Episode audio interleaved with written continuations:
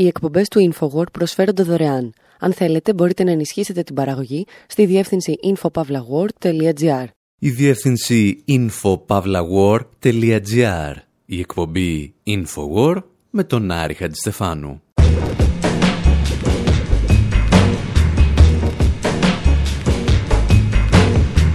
όπου σήμερα τραγουδάμε για αθώους ανθρώπους που οδηγήθηκαν στη φυλακή ή ακόμη και στο εκτελεστικό απόσπασμα.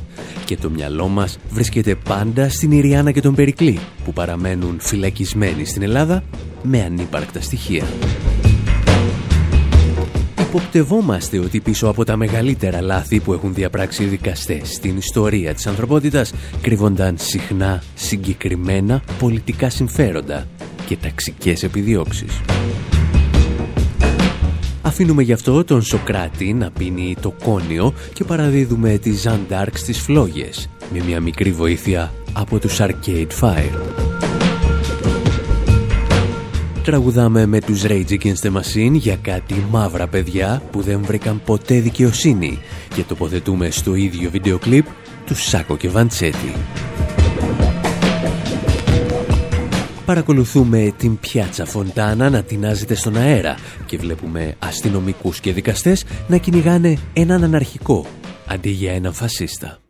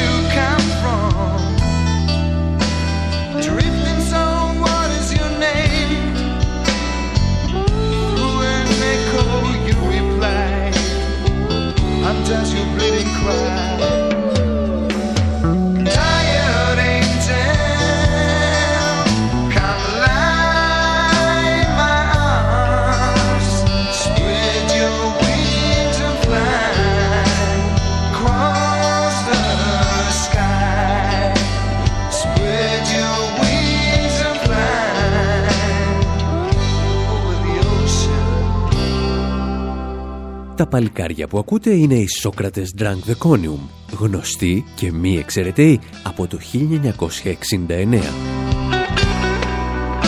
Σήμερα προφανώς μας ενδιαφέρουν μόνο για το όνομά τους και εκείνον τον Σοκράτη που ήπιε εκείνο το κόνιο.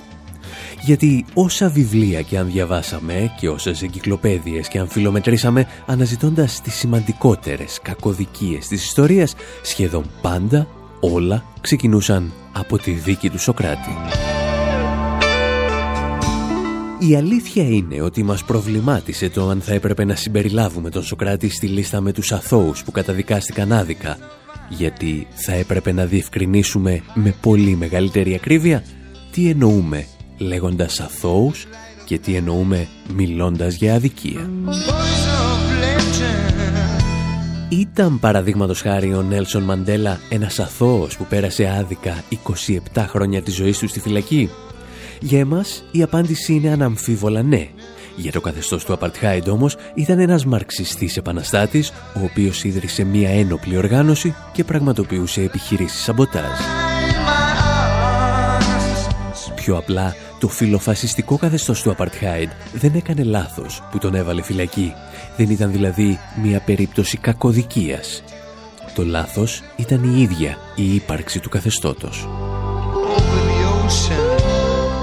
Τι γίνεται όμως με τον Σοκράτη; Αν δεχθούμε την μάλλον απλοϊκή άποψη ότι καταδικάστηκε σε θάνατο για ασέβεια προς τους θεούς και για διαφθορά των νέων, έχουμε μια καραμπινάτη κακοδικία. Αν όμως δεχθούμε την άποψη ορισμένων ιστορικών ότι συμμάχησε και στήριξε το αιμοσταγές καθεστώς των τριάκοντα τυράννων, δεν έχουμε αναγκαστικά κακοδικία, αλλά μια πολιτική απόφαση. Οι αποφάσεις των δικαστών είναι βέβαια πάντα πολιτικές. Εμείς όμως θέλουμε να εστιάσουμε σήμερα στις κακοδικίες. Στις περιπτώσεις δηλαδή που ο δικαστής παραβιάζει τους νόμους και το δίκαιο που ο ίδιος έχει αποδεχθεί. Και επειδή λοιπόν τα πράγματα με τον Σοκράτη είναι μπερδεμένα από ποια πλευρά και αν τα εξετάσεις, Από το 399 π.Χ. που ήπια το κόνιο, σκεφτήκαμε να πεταχτούμε στις 30 Μαρτίου του 1431, όταν οι δικαστές της εποχής έκαιγαν την Ζαν Ντάρκ. Ξεναγός μας σε αυτή την ιστορία, η Arcade Fire με το Ζωάνο Φάρκ.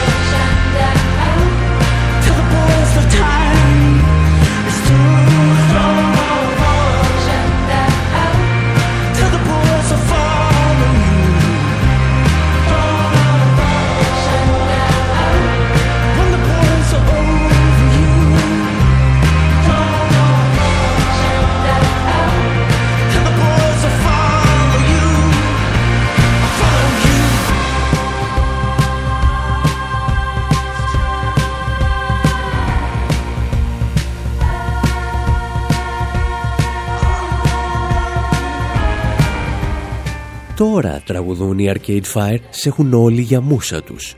Πού ήταν όμως όταν άναβαν τη φωτιά; Η Ζαντάρκος γνωστόν καήκε ζωντανή αφού κατηγορήθηκε για παρενδυσία αλλά και για το γεγονός ότι ήταν λέει αιρετική. Αθώθηκε μόνο μετά θάνατον σε αυτό που σήμερα θα αποκαλούσαμε εφετείο κακουργημάτων. Αποδείχθηκε ότι ήταν μια δίκη παροδία ακόμη και για τους νόμους της εποχής με απειλές εναντίον των μαρτύρων και διαστρέβλωση των στοιχείων. Ήταν στην ουσία της μια ακόμη πολιτική δίκη με την οποία η Αγγλία χρησιμοποιούσε τη Ζαν Ντάρκ για να εξευτελίσει τους αντιπάλους της στον εκατονταετή πόλεμο μεταξύ Αγγλίας και Γαλλίας. Η Ζαν Ντάρκ ουσιαστικά πλήρωσε το γεγονός ότι ήταν γυναίκα, ήταν φτωχή και ότι με τις πράξεις της μετέτρεψε τον πόλεμο μεταξύ δύο βασιλείων σε ένα είδος εθνικό-απελευθερωτικού πολέμου απέναντι στους Άγγλους. Η πύρα δηλαδή την περίμενε εξ αρχής στη γωνία.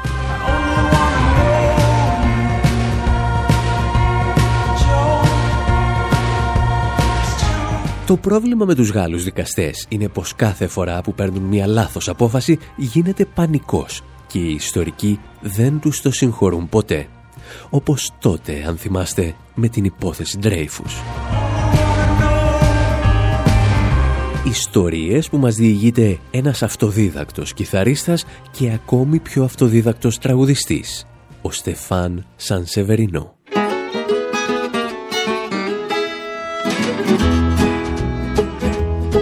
Sur une des pointes de l'île du diable, il y a le banc de Dreyfus. Je pense à tout ce qu'il a vécu pendant longtemps. Accusé, puis récusé, et encore à nouveau condamné, puis rejugé, il s'est fait réhabiliter. L'injustice l'a poursuivi, et pourtant lui, après dix ans, il s'en est sorti. Je regarde les vagues se fracasser sur les rochers, laquelle va m'emporter? J'en ai loupé des cavales en partant sur l'eau. Hier, la dernière, on était à cheval sur des tonneaux. Parti à deux dans la tempête, on s'est jeté dans le grand bain. Moi j'ai pu rentrer, mais pas mon copain napolitain. Il a disparu sur son fût d'huile d'olive, joli mort pour un Italien. Je regarde l'écume et l'amplitude de la marée, laquelle va m'emporter. Impossible de rester une minute de plus. Juste en dessous de ce qu'on appelle le banc de Dreyfus Je ne suis pas parti tout seul Mais avec Sylvain, un autre bagnard qui mourra lui quelques jours plus tard. Accroché à nos sacs flottants On va dériver pendant trois jours sur l'océan. Pas un seul requin pour nous croquer les doigts de pied. La cavale a commencé. On arrive à moins de 300 mètres du rivage. À marée basse, on reste coincé sur la vase, ok? Encore un peu de patience, on attend que la dernière marée nous amène tout, tout, tout, tout, tout, tout, tout près des rochers. Mais le soleil lui a tapé sur le système. Sylvain quitte l'Orano pour y aller quand même. Il s'enfonce dans la vase tout entier et à tout jamais. Oh, la mort l'a emporté.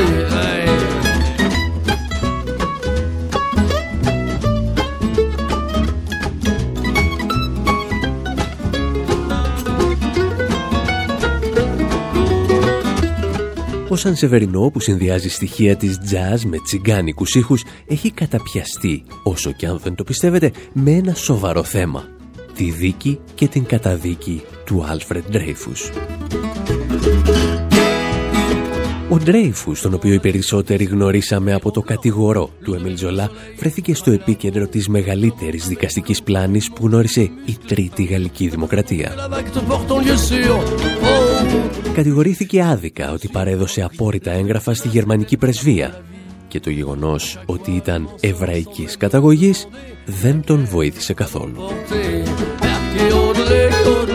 Το δικαστήριο αγνόησε τα στοιχεία της υπεράσπισης, δεν ενημέρωνε τους δικηγόρους του για την εξέλιξη της υπόθεσης και τελικά πλαστογράφησε στοιχεία για να εξασφαλίσει την καταδίκη του.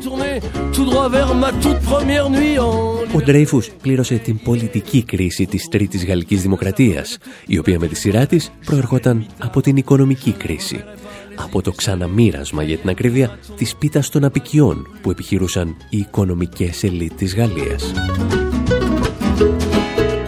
Αν προσθέσεις βέβαια σε αυτή την ιστορία μια ακροδεξιά στροφή μεγάλου τμήματος του πληθυσμού και μια κυβέρνηση που είχε επιβάλει κατάσταση έκτακτης ανάγκης με πρόσχημα την τρομοκρατία, αναρωτιέσαι εάν η επόμενη υπόθεση Ντρέιφους θα ξεκινήσει στη Γαλλία επί προεδρίας Μακρόν.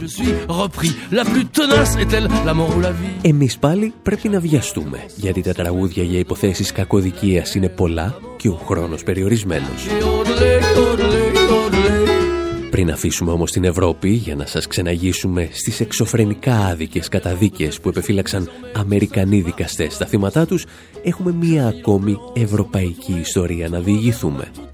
Και αυτή τη φορά στο πλευρό μας στέκονται αχιέροχοι η κόκκινη μπάντα μπασότη.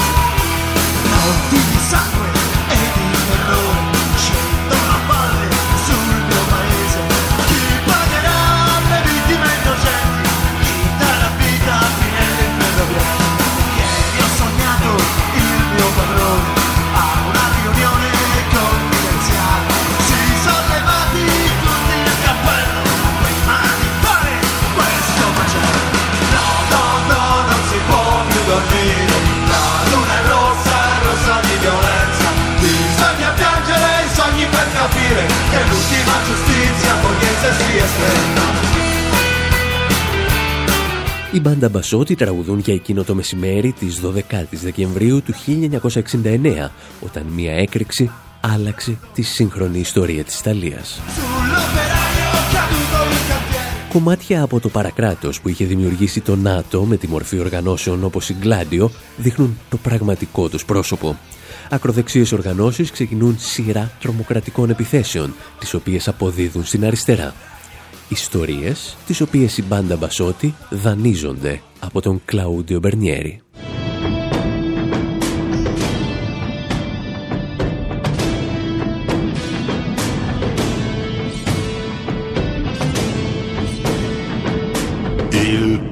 Pomeriggio del 12 dicembre. In piazza del Duomo c'è l'abete illuminato ma in via del Corso non ci sono le luci. Per l'autunno caldo il comune le ha levate. In piazza Fontana il traffico è animato.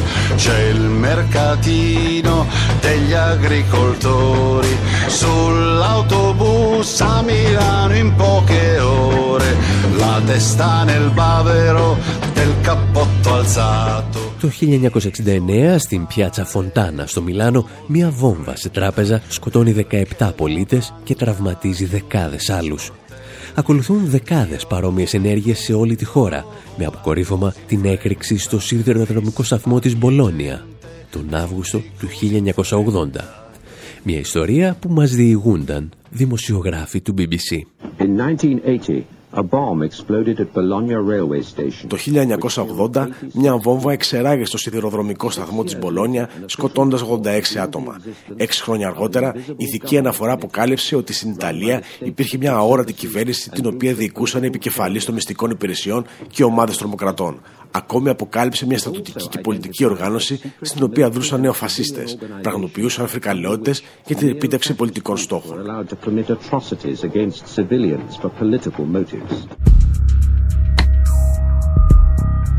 Όπως εξηγούσε αρκετά χρόνια αργότερα στο BBC ο γερουσιαστής Λιμπέρο Γκαλτιέρη, επικεφαλής της Επιτροπής για τη Διερεύνηση της υπόθεσης Γκλάντιο, η μάχη των εντυπώσεων δινόταν πάντα μετά την επίθεση.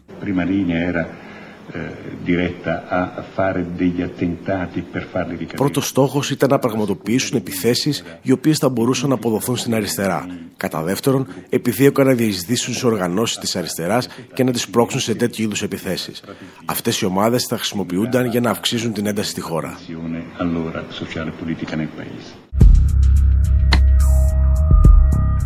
Η επιχείρηση κατασυκοφάντησης της αριστεράς και του αναρχικού χώρου αποδίδει άμεσα καρπούς στην περίπτωση της Πιάτσα Φοντάνα. Και ένα από τα πρώτα θύματα αυτής της εκστρατείας ήταν ο αναρχικός Πιέτρο Βαλπρέντα. Ο Βαλπρέντα συλλαμβάνεται αμέσως μετά την επίθεση στην Πιάτσα Φοντάνα μαζί με τον επίσης αναρχικό Τζιουζέπε Πινέλη, ο οποίος πεθαίνει λίγες ημέρες αργότερα στα χέρια της αστυνομίας. Το μόνο ενοχοποιητικό στοιχείο ήταν η δήλωση ενός ταξιτζή που υποστήριξε ότι τους είδε στην πλατεία. Τα μέσα ενημέρωσης όμως είχαν βγάλει την ετοιμιγορία τους.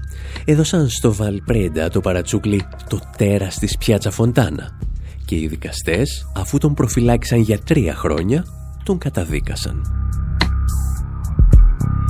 Τελικά αθώθηκε 16 χρόνια αργότερα, ενώ σχεδόν τρεις δεκαετίες μετά την επίθεση έγινε γνωστό ότι τις βόμβες είχε τοποθετήσει η φασιστική οργάνωση Ordine Nuovo.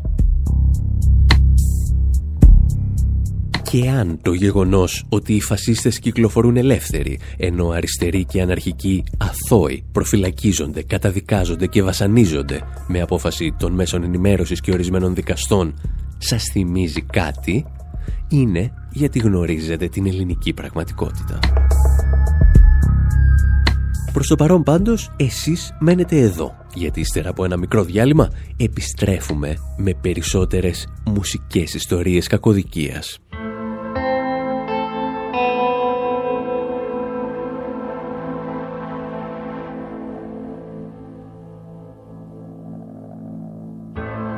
There's a lynching in the square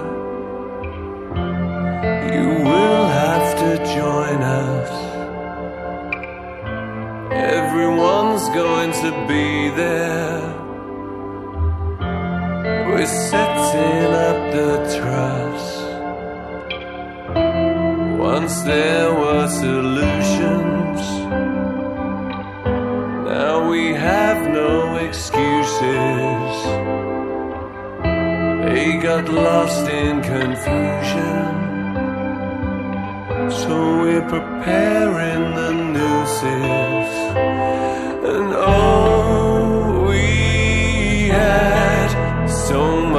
Time.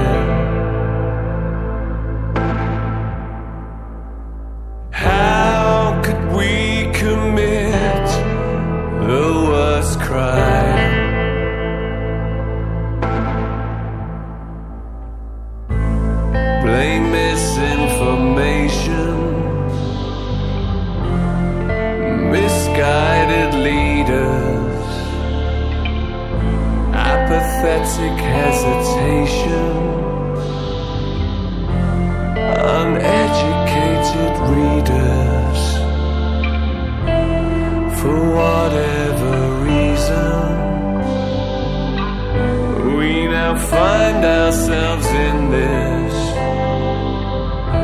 We are all charged with treason. There is no one left to hiss.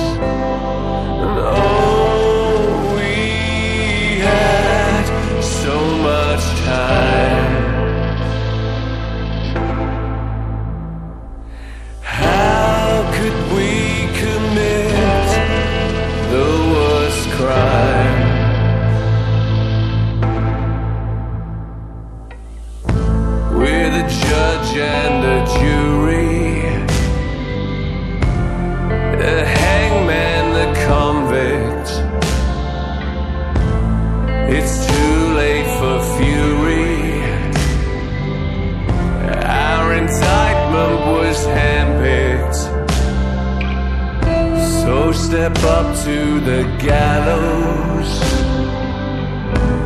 and accept your sentence for being so shallow.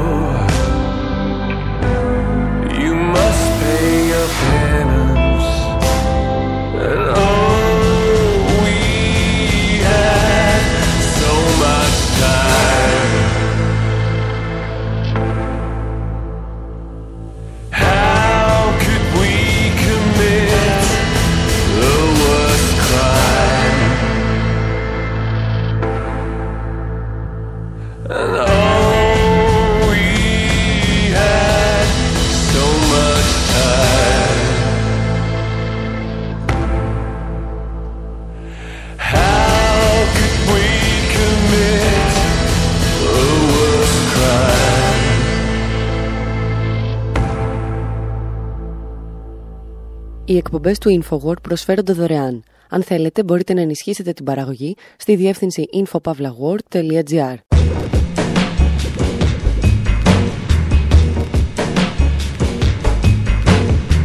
Εκπομπής Infowar, μέρος δεύτερο όπου συνεχίζουμε να ακούμε τραγούδια για ορισμένες από τις μεγαλύτερες κακοδικίες αλλά και αδικίες που επεφύλαξαν δικαστήρια σε αθώους ανθρώπους στο πέρασμα των αιώνων.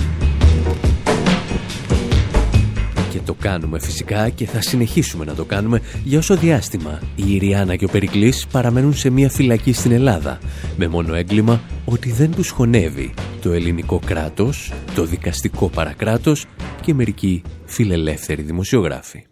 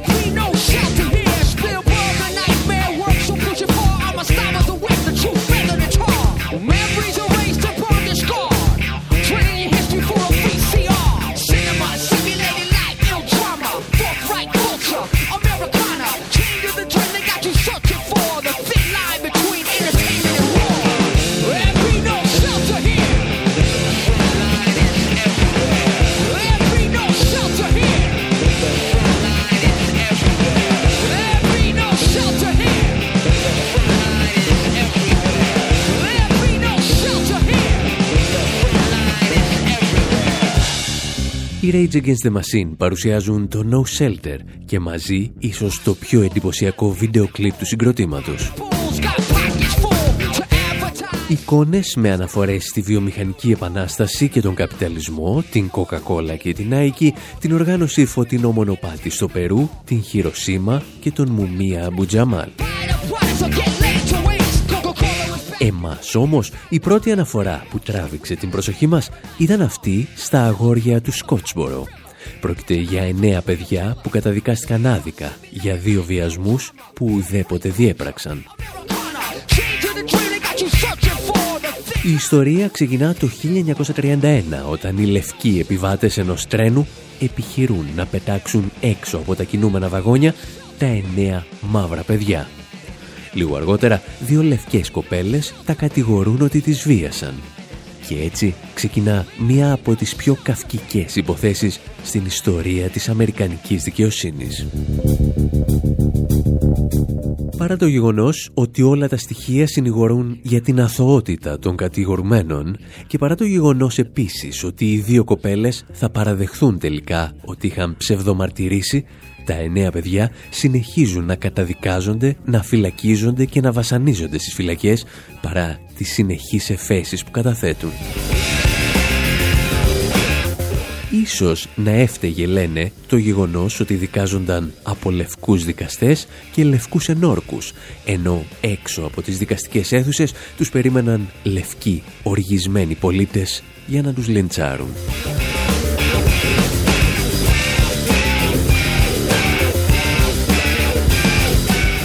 Στο ίδιο βίντεο κλιπ των Rage Against the Machine πάντως βλέπουμε και τους περίφημους αναρχικούς Σάκο και Βαντσέτη. Για αυτή την ιστορία όμως οφείλουμε να ακούσουμε πρώτα την κατάθεση της Τζοαν Μπαέζ.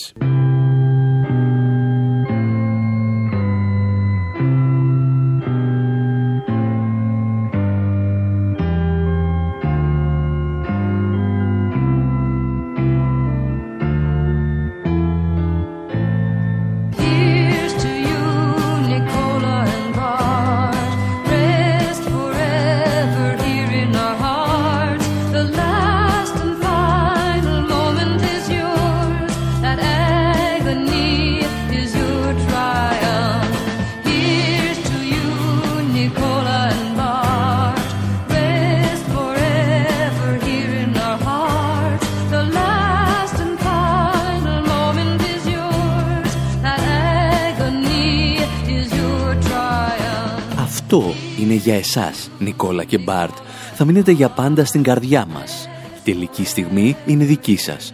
Το μαρτύριό σας είναι ο θρίαμβός σας, τραγουδούσε η Τζοαν Μπαέζ.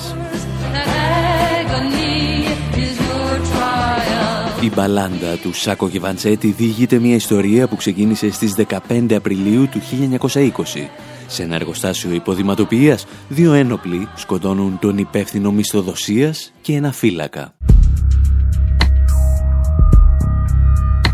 Η αστυνομία συλλαμβάνει έναν υποδηματοποιό, τον Νικόλα Σάκο, και έναν ηχθιοπόλη, τον Βαρθολομαίο Βανσέτη, στην κατοχή των οποίων βρίσκονται δύο όπλα. Πρόκειται για τους ιδανικούς υπόπτους, φτωχοί Ιταλοί μετανάστες που δηλώνουν υποστηρικτές του αναρχικού Λουίτζι Γκαλεάνη. Είναι η εποχή που δεκάδες κομμουνιστές και αναρχικοί συλλαμβάνονται και απελάβνονται από τις Ηνωμένες Πολιτείες. Αρκετοί άλλοι βρίσκονται βάναυσα δολοφονημένοι ύστερα από την προσαγωγή τους σε αστυνομικά τμήματα. Μερικοί απογειώνονται μυστηριωδώς από κτίρια της Αμερικανικής ασφάλειας. Οι Σακοκεβαντσέτη δηλώνουν ότι έχουν τα όπλα που βρέθηκαν πάνω τους για αυτοάμυνα. Πώς να εξηγήσεις όμως στην αστυνομία ότι οπλοφορείς για να αμυνθείς από την ίδια την αστυνομία; Ιστορίες που θα διηγούνταν 10 χρόνια αργότερα ο Woody Guthrie στο τραγούδι του Two Good Men, δύο καλοί άνθρωποι.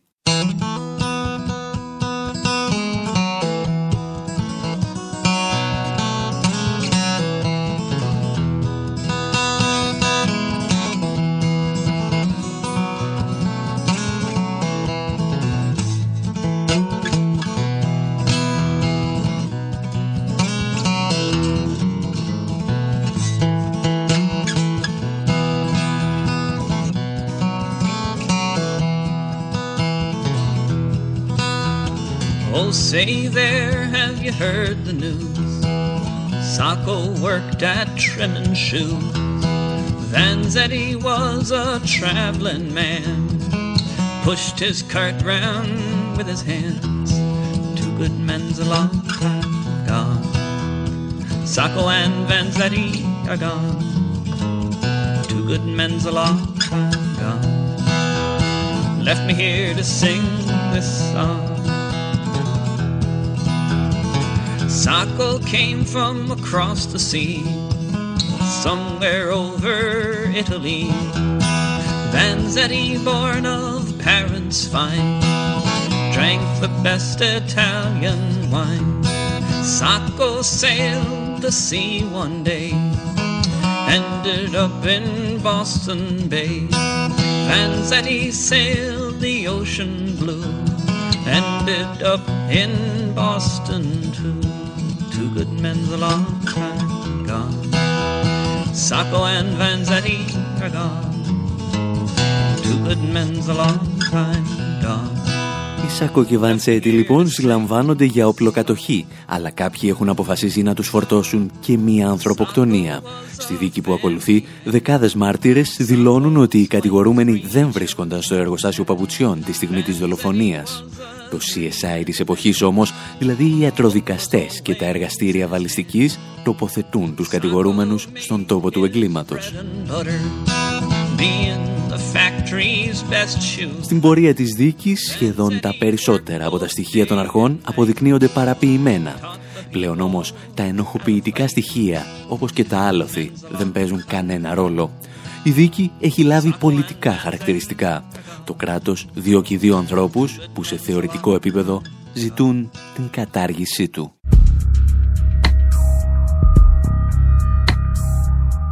Την υπόθεση παρακολουθούσε τότε ολόκληρη η ανθρωπότητα, καθώς είχε μετατραπεί σε ένα δικαστικό δράμα, αλλά κυρίως σε μια ιδεολογική σύγκρουση, στην οποία συμμετείχαν ευρύτερες δυνάμεις και από τις δύο πλευρές.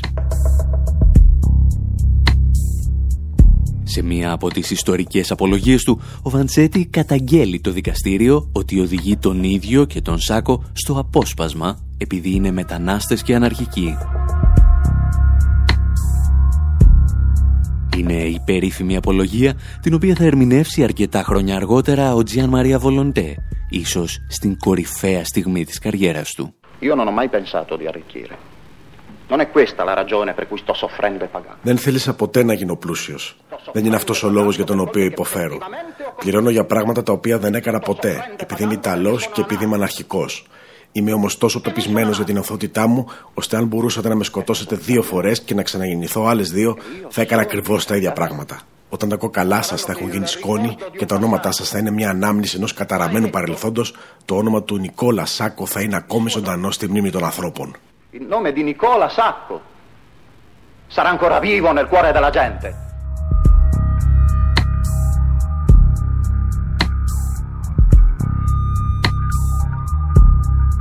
Στην εκπομπή Infoword με τον Άρη Χατζηστεφάνου πιαστήκαμε από ένα βίντεο κλιπ των Rage Against the Machine για να θυμηθούμε δύο υποθέσεις δίκης και καταδίκης αθώων πολιτών που έκαναν το λάθος να είναι μαύροι στον Αμερικανικό Νότο ή αναρχικοί στην Αμερική του Χούβερ. Οι Ηνωμένες Πολιτείες όμως θα συνεχίσουν να στέλνουν αθώους ανθρώπους στα έδρανα των δικαστηρίων και πίσω από τα σίδερα των φυλακών όπως θα κάνουν μερικές δεκαετίες αργότερα και με την Άντζελα Ντέιβις. Αυτή τη φορά το λόγο έχουν οι Rolling Stones.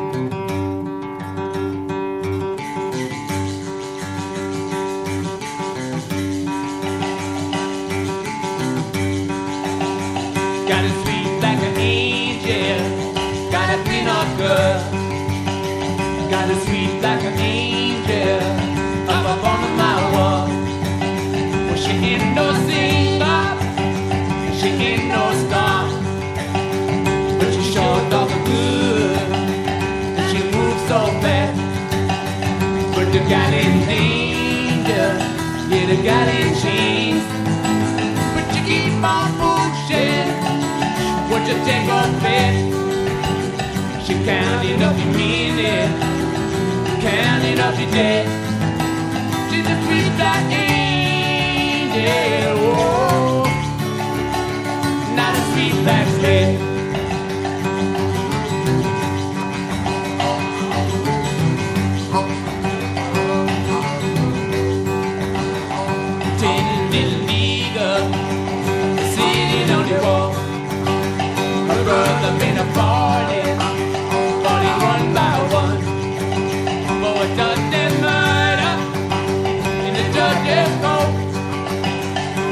judge is gonna judge her for all that he's a worth. When the got in danger, got in chain, keep on pushing; What you do the same; Ο Μικ Τζάγκερ τραγουδά το 1970 για έναν μαύρο άγγελο. Έχω λέει τη φωτογραφία του στο δωμάτιό μου, αλλά δεν είναι ούτε τραγουδιστής, ούτε αστέρας του κινηματογράφου. Είναι ένας άγγελος που κινδυνεύει, ένας άγγελος στη φυλακή. Κάποιοι απήγαγαν και σκότωσαν ένα δικαστή και τώρα ένας άλλος δικαστής θα δικάσει τον μαύρο άγγελο.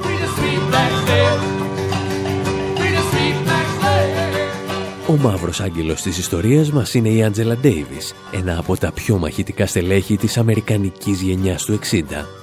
Ο άγγελος ήταν στη φυλακή, γιατί το 1970 κάποιοι χρησιμοποίησαν το όπλο που είχε στο όνομά της για να σκοτώσουν ένα δικαστή κατά την απόπειρα απόδρασης από ένα δικαστήριο.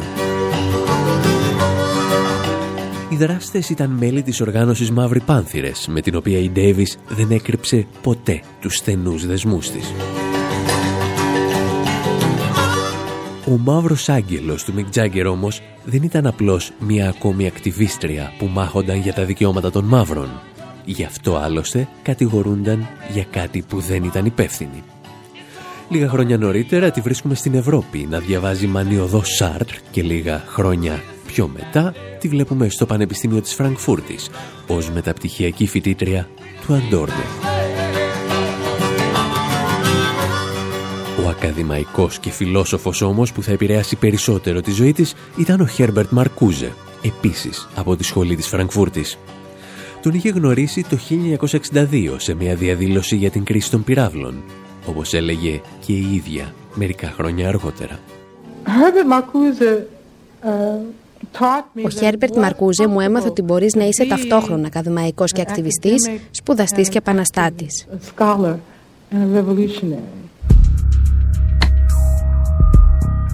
Σε ό,τι μας αφορά πάντως, η Άντζελα Ντέιβις αφέθηκε τελικά ελεύθερη, αφού πέρασε δύο χρόνια στη φυλακή.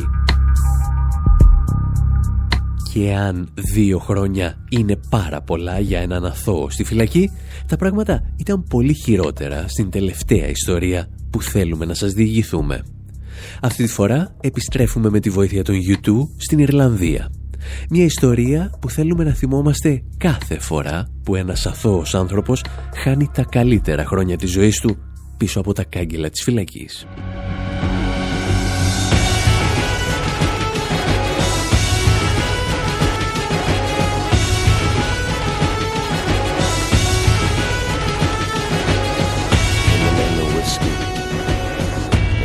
song. You didn't look back.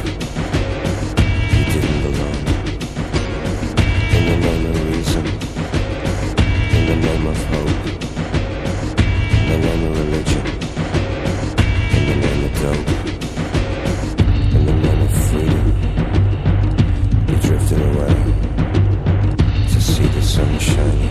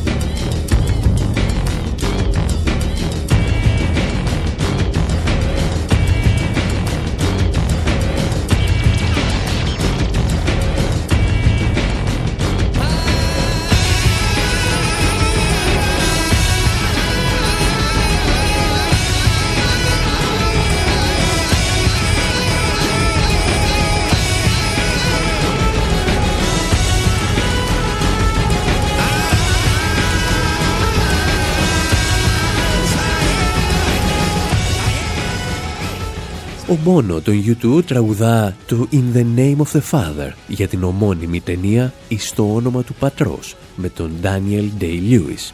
Τραγουδά για την περίφημη υπόθεση των Guildford Four.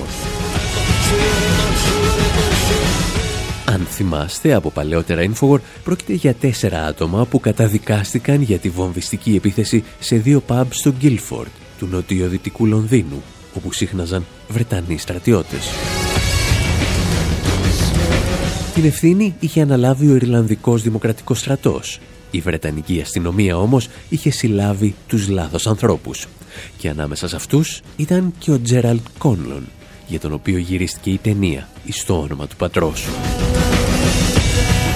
Ήταν ο άνθρωπος για τον οποίο ο Χατζηδάκης έλεγε ότι αν είχε βρεθεί στη θέση του θα έκανε την απόλυτη τρομοκρατική πράξη. Θα έβαζε φωτιά σε όλη την Αγγλία. Ο χαμένος χρόνος είναι χειρότερος και από το θάνατο. 14 χρόνια είχαν τον νεαρό Ιρλανδό Τζέραντ Κόνλον στη φυλακή για βομβιστικές ενέργειες που τελικά απεδείχθη ότι δεν έκανε. Και μια μικρή λεπτομέρεια. Απεκαλύφθη πως κάποιες ομολογίες εκμέθηκαν δια της βίας από την αστυνομία. Επιτέλους πώς θα απαλλαγούμε από την προστασία της αστυνομίας από πού κινδυνεύει η ελευθερία μας για να μας προστατεύει η διαστραμμένη αυτή υπόθεση που λέγεται παντού αστυνομία αν ήμουν εγώ ο Τζέραντ Κόνλον θα βάζα φωτιά σε ολόκληρη την Αγγλία. Εδώ απλώς κάνω μια εκπομπή και βάζω την κατάλληλη μουσική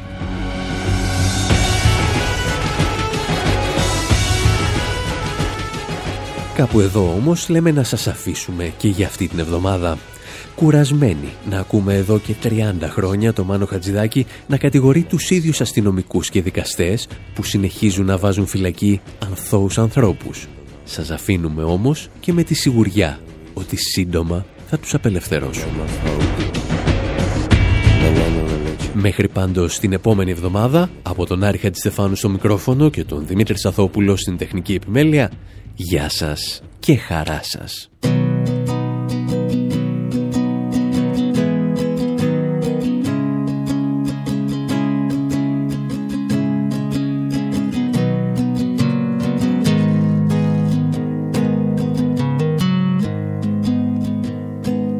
There's a man homeless and hungry. There's a wind it's hard and biting. There's a song in need of singing. There's a fuse in need of lighting. And it's no secret the day is coming. And it's a day I hope to see. But if they ask, if they ask you, brother, who told you that, you didn't hear it from me.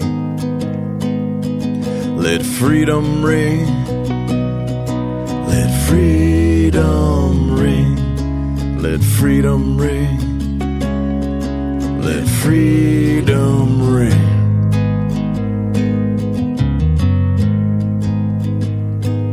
There's a book with seven seals. There's a beast with seven heads. There's seven angels on seven horses.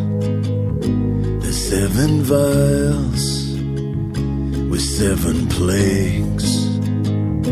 So if you're here, if you hear a knocking on that door, just let it be. But if they ask, if they ask you, brother, who told you that, you didn't hear it from me. Let freedom ring, let freedom freedom ring. Let freedom ring.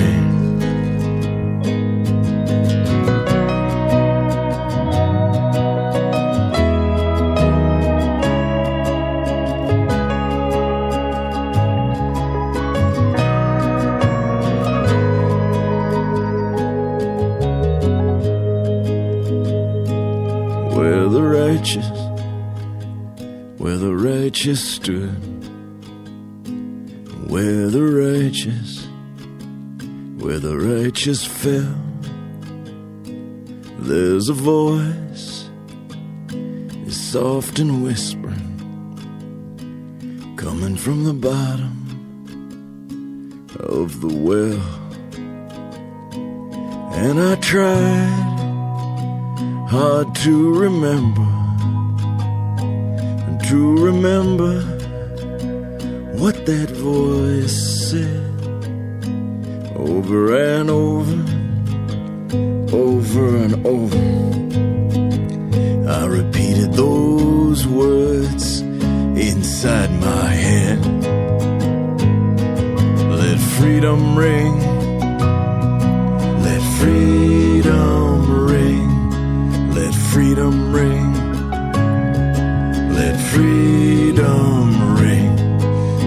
Freedom ring. Let freedom ring. Let freedom ring. Let freedom ring. And if they ask, if they ask you, brother, who told you that? Tell them.